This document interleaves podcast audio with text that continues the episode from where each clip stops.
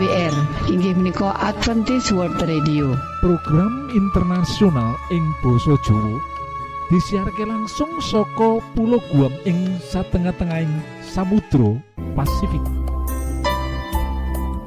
Sendiri ing wektu sing apik iki bakal maparake tiga program yoiku siji ruang motivasi lan rumah tangga loro ruang kesehatan lan telu ruang firman Allah kita pracojok program iki bakal jadi manfaat jadi berkah kagem kita kabeh.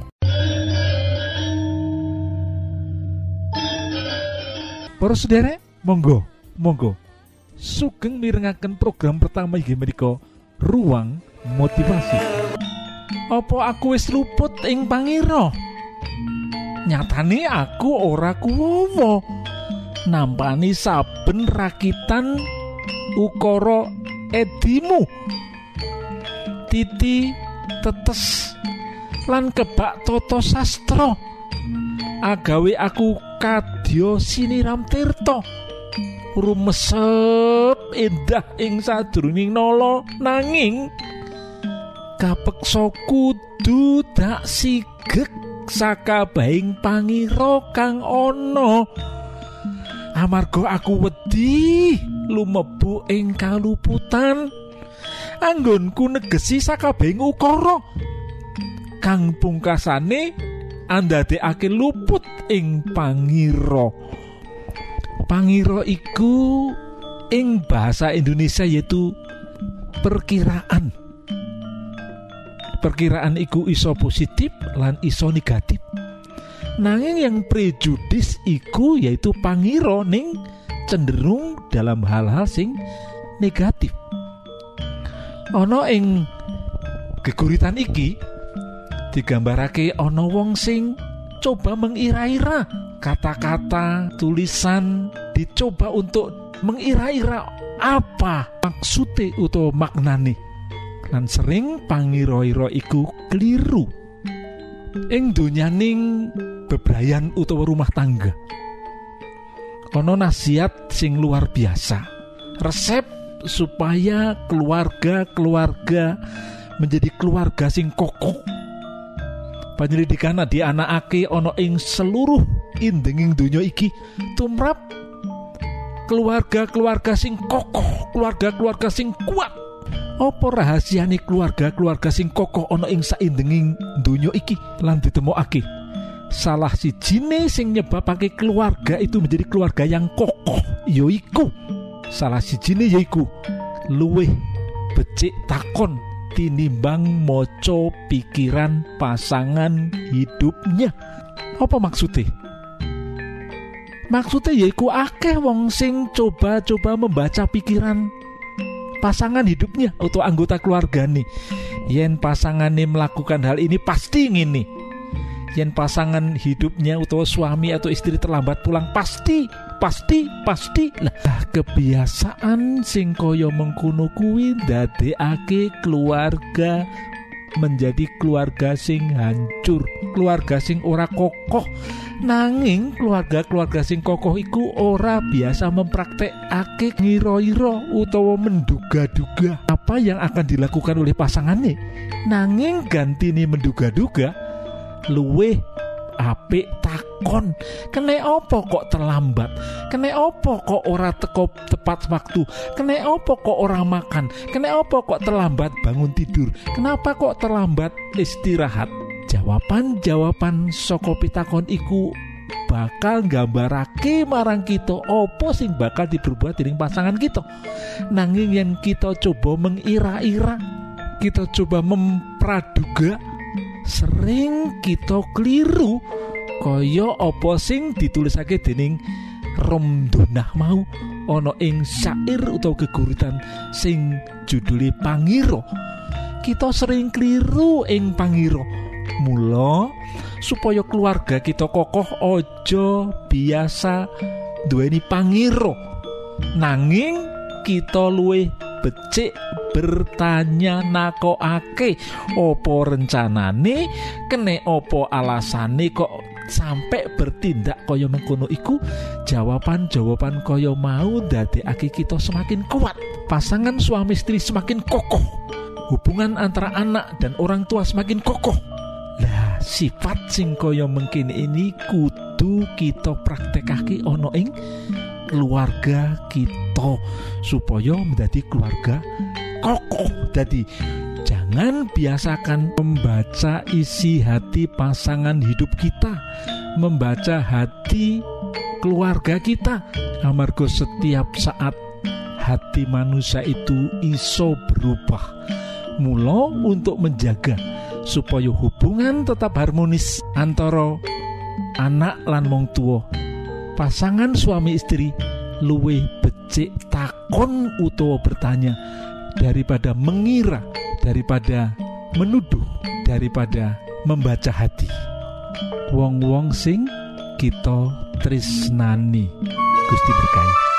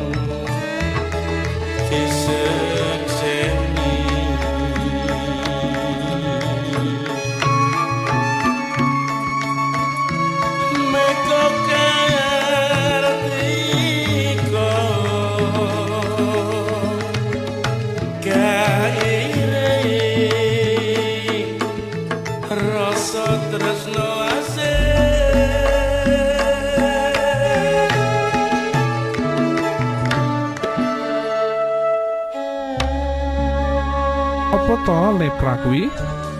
Sedulur kang kinase lepra buduk kang uga karan Morbus Hansen. Disebabake anane kromo kang sabongso kraumane loro TBC karan Mycobacterium leprae. Saliyane tinularake kanthi kulit kang nempel lepra katone bisa uga tinularake saka panganan lan lewat dalane ambegan.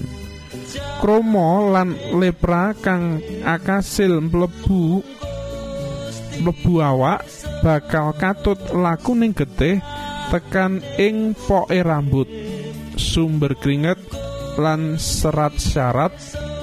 Manggon ing kono nganti mengko larane temen-temen tukul lan katon tengere. Kanggo iki kabeh wektune suwe sok nganti puluhan tahun nalikane lorone durung ngaton wong kang nandang lepro mau kaya-kaya ora lara apa-apa. Wiras-wiris. Sok-sok wae ana kang ing kawitan larane iki wis katon kaya lara liyane upamane kaya lara sipilis Sateruse kroma lepra saya akeh kang milih serat syarap pinggiran kang cedhak kulit. Kayata ing pojokan sikut utawa kang yen ketatap nuwuhake rasa kemeng kaya kesetrum. Burine kuping, wentis, telapukan mata. Syarap kang kepanggonan kroma iki dadi luwih kandel yen dirayahi. Sabanjure daging kang sakawit diladeni dening syarat mau suda kekuatane kang banjure tansaya ringkih lan dadi luwih cilik. Salah-salah uga bisa nganti lumpuh. Saraf liya kang kena uga banjur kurang apik gawene. Saengga yen sarap rasa kang kena, mula banjur kelangan pangrasa. Yen tansaya nemen nuli drijine ketaton wis ora krasa lara maneh. Marga saka iku sok pucuke driji tatu, borok utawa sanajan nganti protol ilang uga wis ora rinoso maneh. Nah, sedulur kang kinasih lepra bisa disumurupi saka owahe warnane kulit. Rodok puyih besisik kaya panu. Sok-sok uga katambahan kulit kang bintul kaya dene wudun. Tukule kulit kang nyeleneh kuwi bisa uga ora mung ing siji loro panggonan. Nanging meh rata saranduning awak. Sasisih utawa kiwa tengen. Yen panu gatel kulit kang kena lepra iki malah mati pangkrasa. Yen ana wong kang panunen tanpa gatel, kang dikuwatirake larane kuwi lepra. Mula perlu kapriksa luwih teliti maneh. Rasa pangrasa kang ilang biasane luwih nyata tumrap rasa adem lan panas. Mula yen wong mau ora bisa mbedakake apa gagang sendok anget utawa adem kang ditemplekake ing panune, kira-kira wae wong mau pancen nandang lepra. Sabanjure kang uga ilang rasa pangrasa tumrap kemeng lan panggrayah. Dadi wong kang luwih nemen lara panune mau ora krasa lara yen tinubles dom. Yen dititeni maneh bisa kawuningan yen panune mau ora bisa kringeten tur wulune ilang. Ing poliklinik wong kang dikuatarake nandang lara lepra bisa kapriksa luwih jangkep maneh utamane kanggo mesthekake kanthi tinemune kromane Mycobacterium leprae.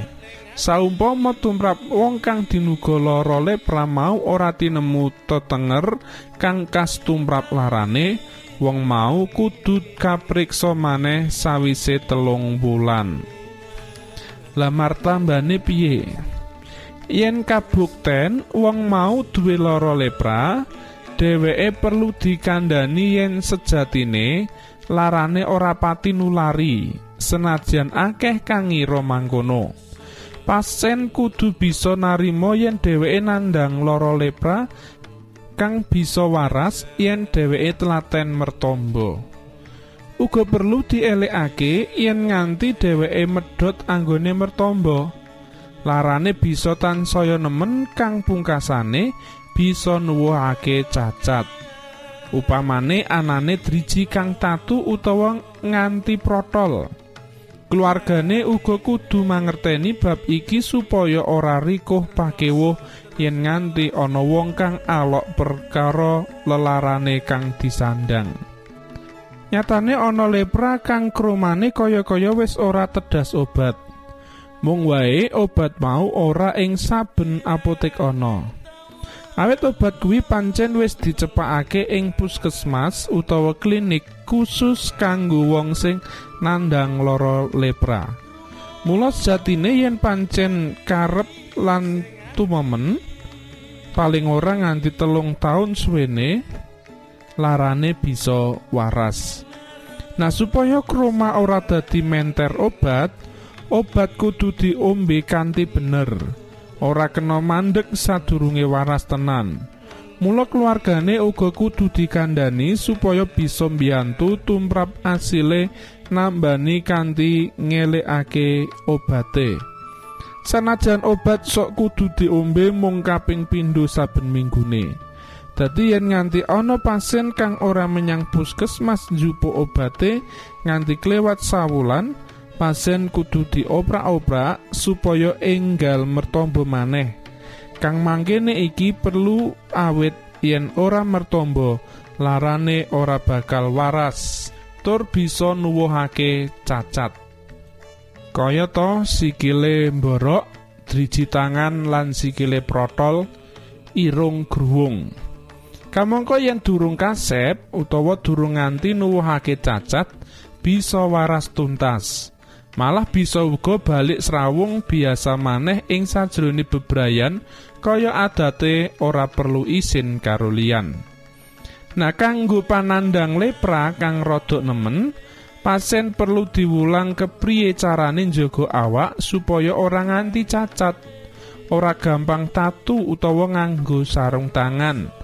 yen nganti tatu ora dadi borok upamane supaya sikil ora gampang tatu kudu nganggo sepatu kang tanpa paku.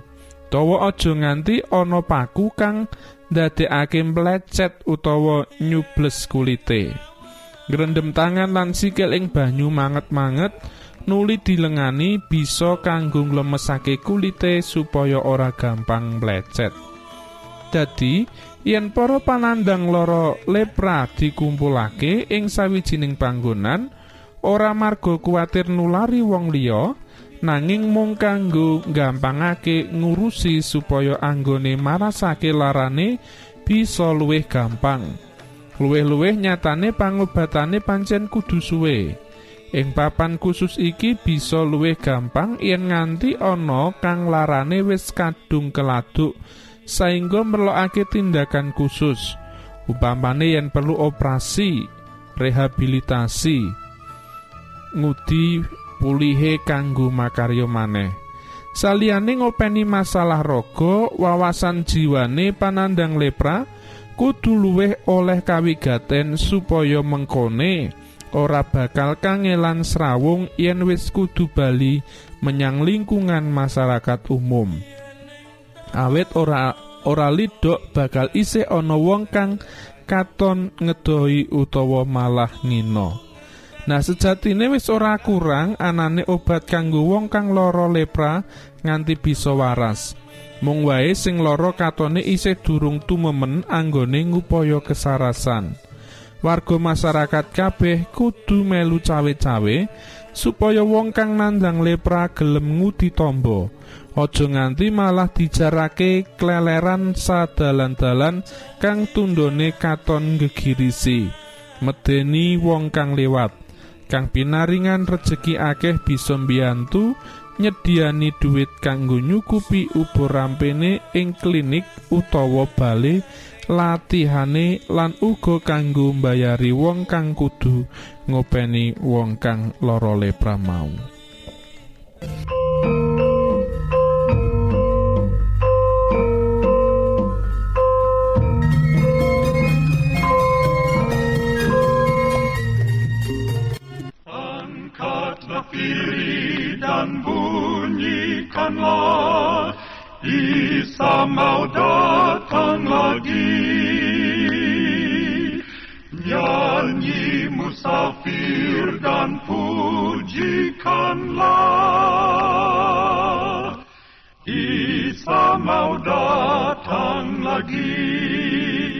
EWA utawa AWR Adventist World Radio. Program internasional ing Boso Jowo disiharke langsung soko pulau Guam ing satengah-tengahing Samudro Pasifik. Poros derek ing wektu sing apik iki monggo kita siapkan hati kita kangge mirengaken firman Allah. Datang lagi, datang lagi, Isa mau datang lagi. Apa mesti nate tiba ing pacoban. Apa iku cobaan nalika ing tugas, cobaan ing perjalanan, cobaan ing studi utawa cobaan ing rumah tangga. Sebagian kuat tahan ing cobaan, sebagian maneh gagal anggone nahan diri saka gempuran cobaan. Kegagalan kerep nggawa kuciwa sing ngenesake ati. Kegagalan bisa ngakibatake frustasi sing kedawan-dawan. Malah kerep bisa ndorong sawijining wong dadi nekat bunuh diri. Iki tindakan wong sing gampang nyerah lan ora wani ngadepi gelombang gedhe ing uripe. Para tresno sing dikasihi Gusti Yesus. Ing sawijining dina libur, aku merlokake mlaku-mlaku ing sawijining taman kota. Aku milih lungguh ing pojokan sing cukup eyup. Saka kono aku bisa nggatekake wong-wong sing padha sliweran mrono mrene. Ana sing lagi ngobrol lan katone serius banget. Ana sing ngobrol santai karo diselingi gar-gar-gar gemuyu. Ana sing mlaku-mlaku karo wong tuane sing wis cukup tuwa. Ana uga sing nuntun anake sing isih cilik sing lagi belajar mlaku. Lan ana uga sing lagi ngajari anake numpak sepeda. Aku ketarik ngatekake ibu muda sing lagi nglatih anake mlaku. Kanthi sabar dheweke ngeculake alon-alon lan ngedangake tangane ing ngarepe. Jogo-jogo yen anake tiba supaya bisa enggal ditampani. Mengkono terus nganti bola bali. Yen anake ora tiba nganti ing rangkulane katon seneng banget ibu mau. Banjur anake diambungi kanthi kasih sayang. Semono uga karo bocah cilik sing lagi belajar numpak sepeda. Bapake kanthi sabar ngetotake saka mburi karo nyekeli sepedae. Yen katon mlakune sepeda wis rada mantep, banjur diculake. Bapak mau sabar mlayu-mlayu ing mburi sepeda. Jogo-jogo yen anake tiba. Dheweke ana sacedhake lan bisa nulungi. Sang bapak paring semangat. Ayo nak, terus kowe mesti bisa. Ayo aja aku ana ing sacedhakmu. Para sutrisno, yen kita sebagai wong tua semono gedhe ngasihi anak-anak kita, apa maneh Gusti Allah?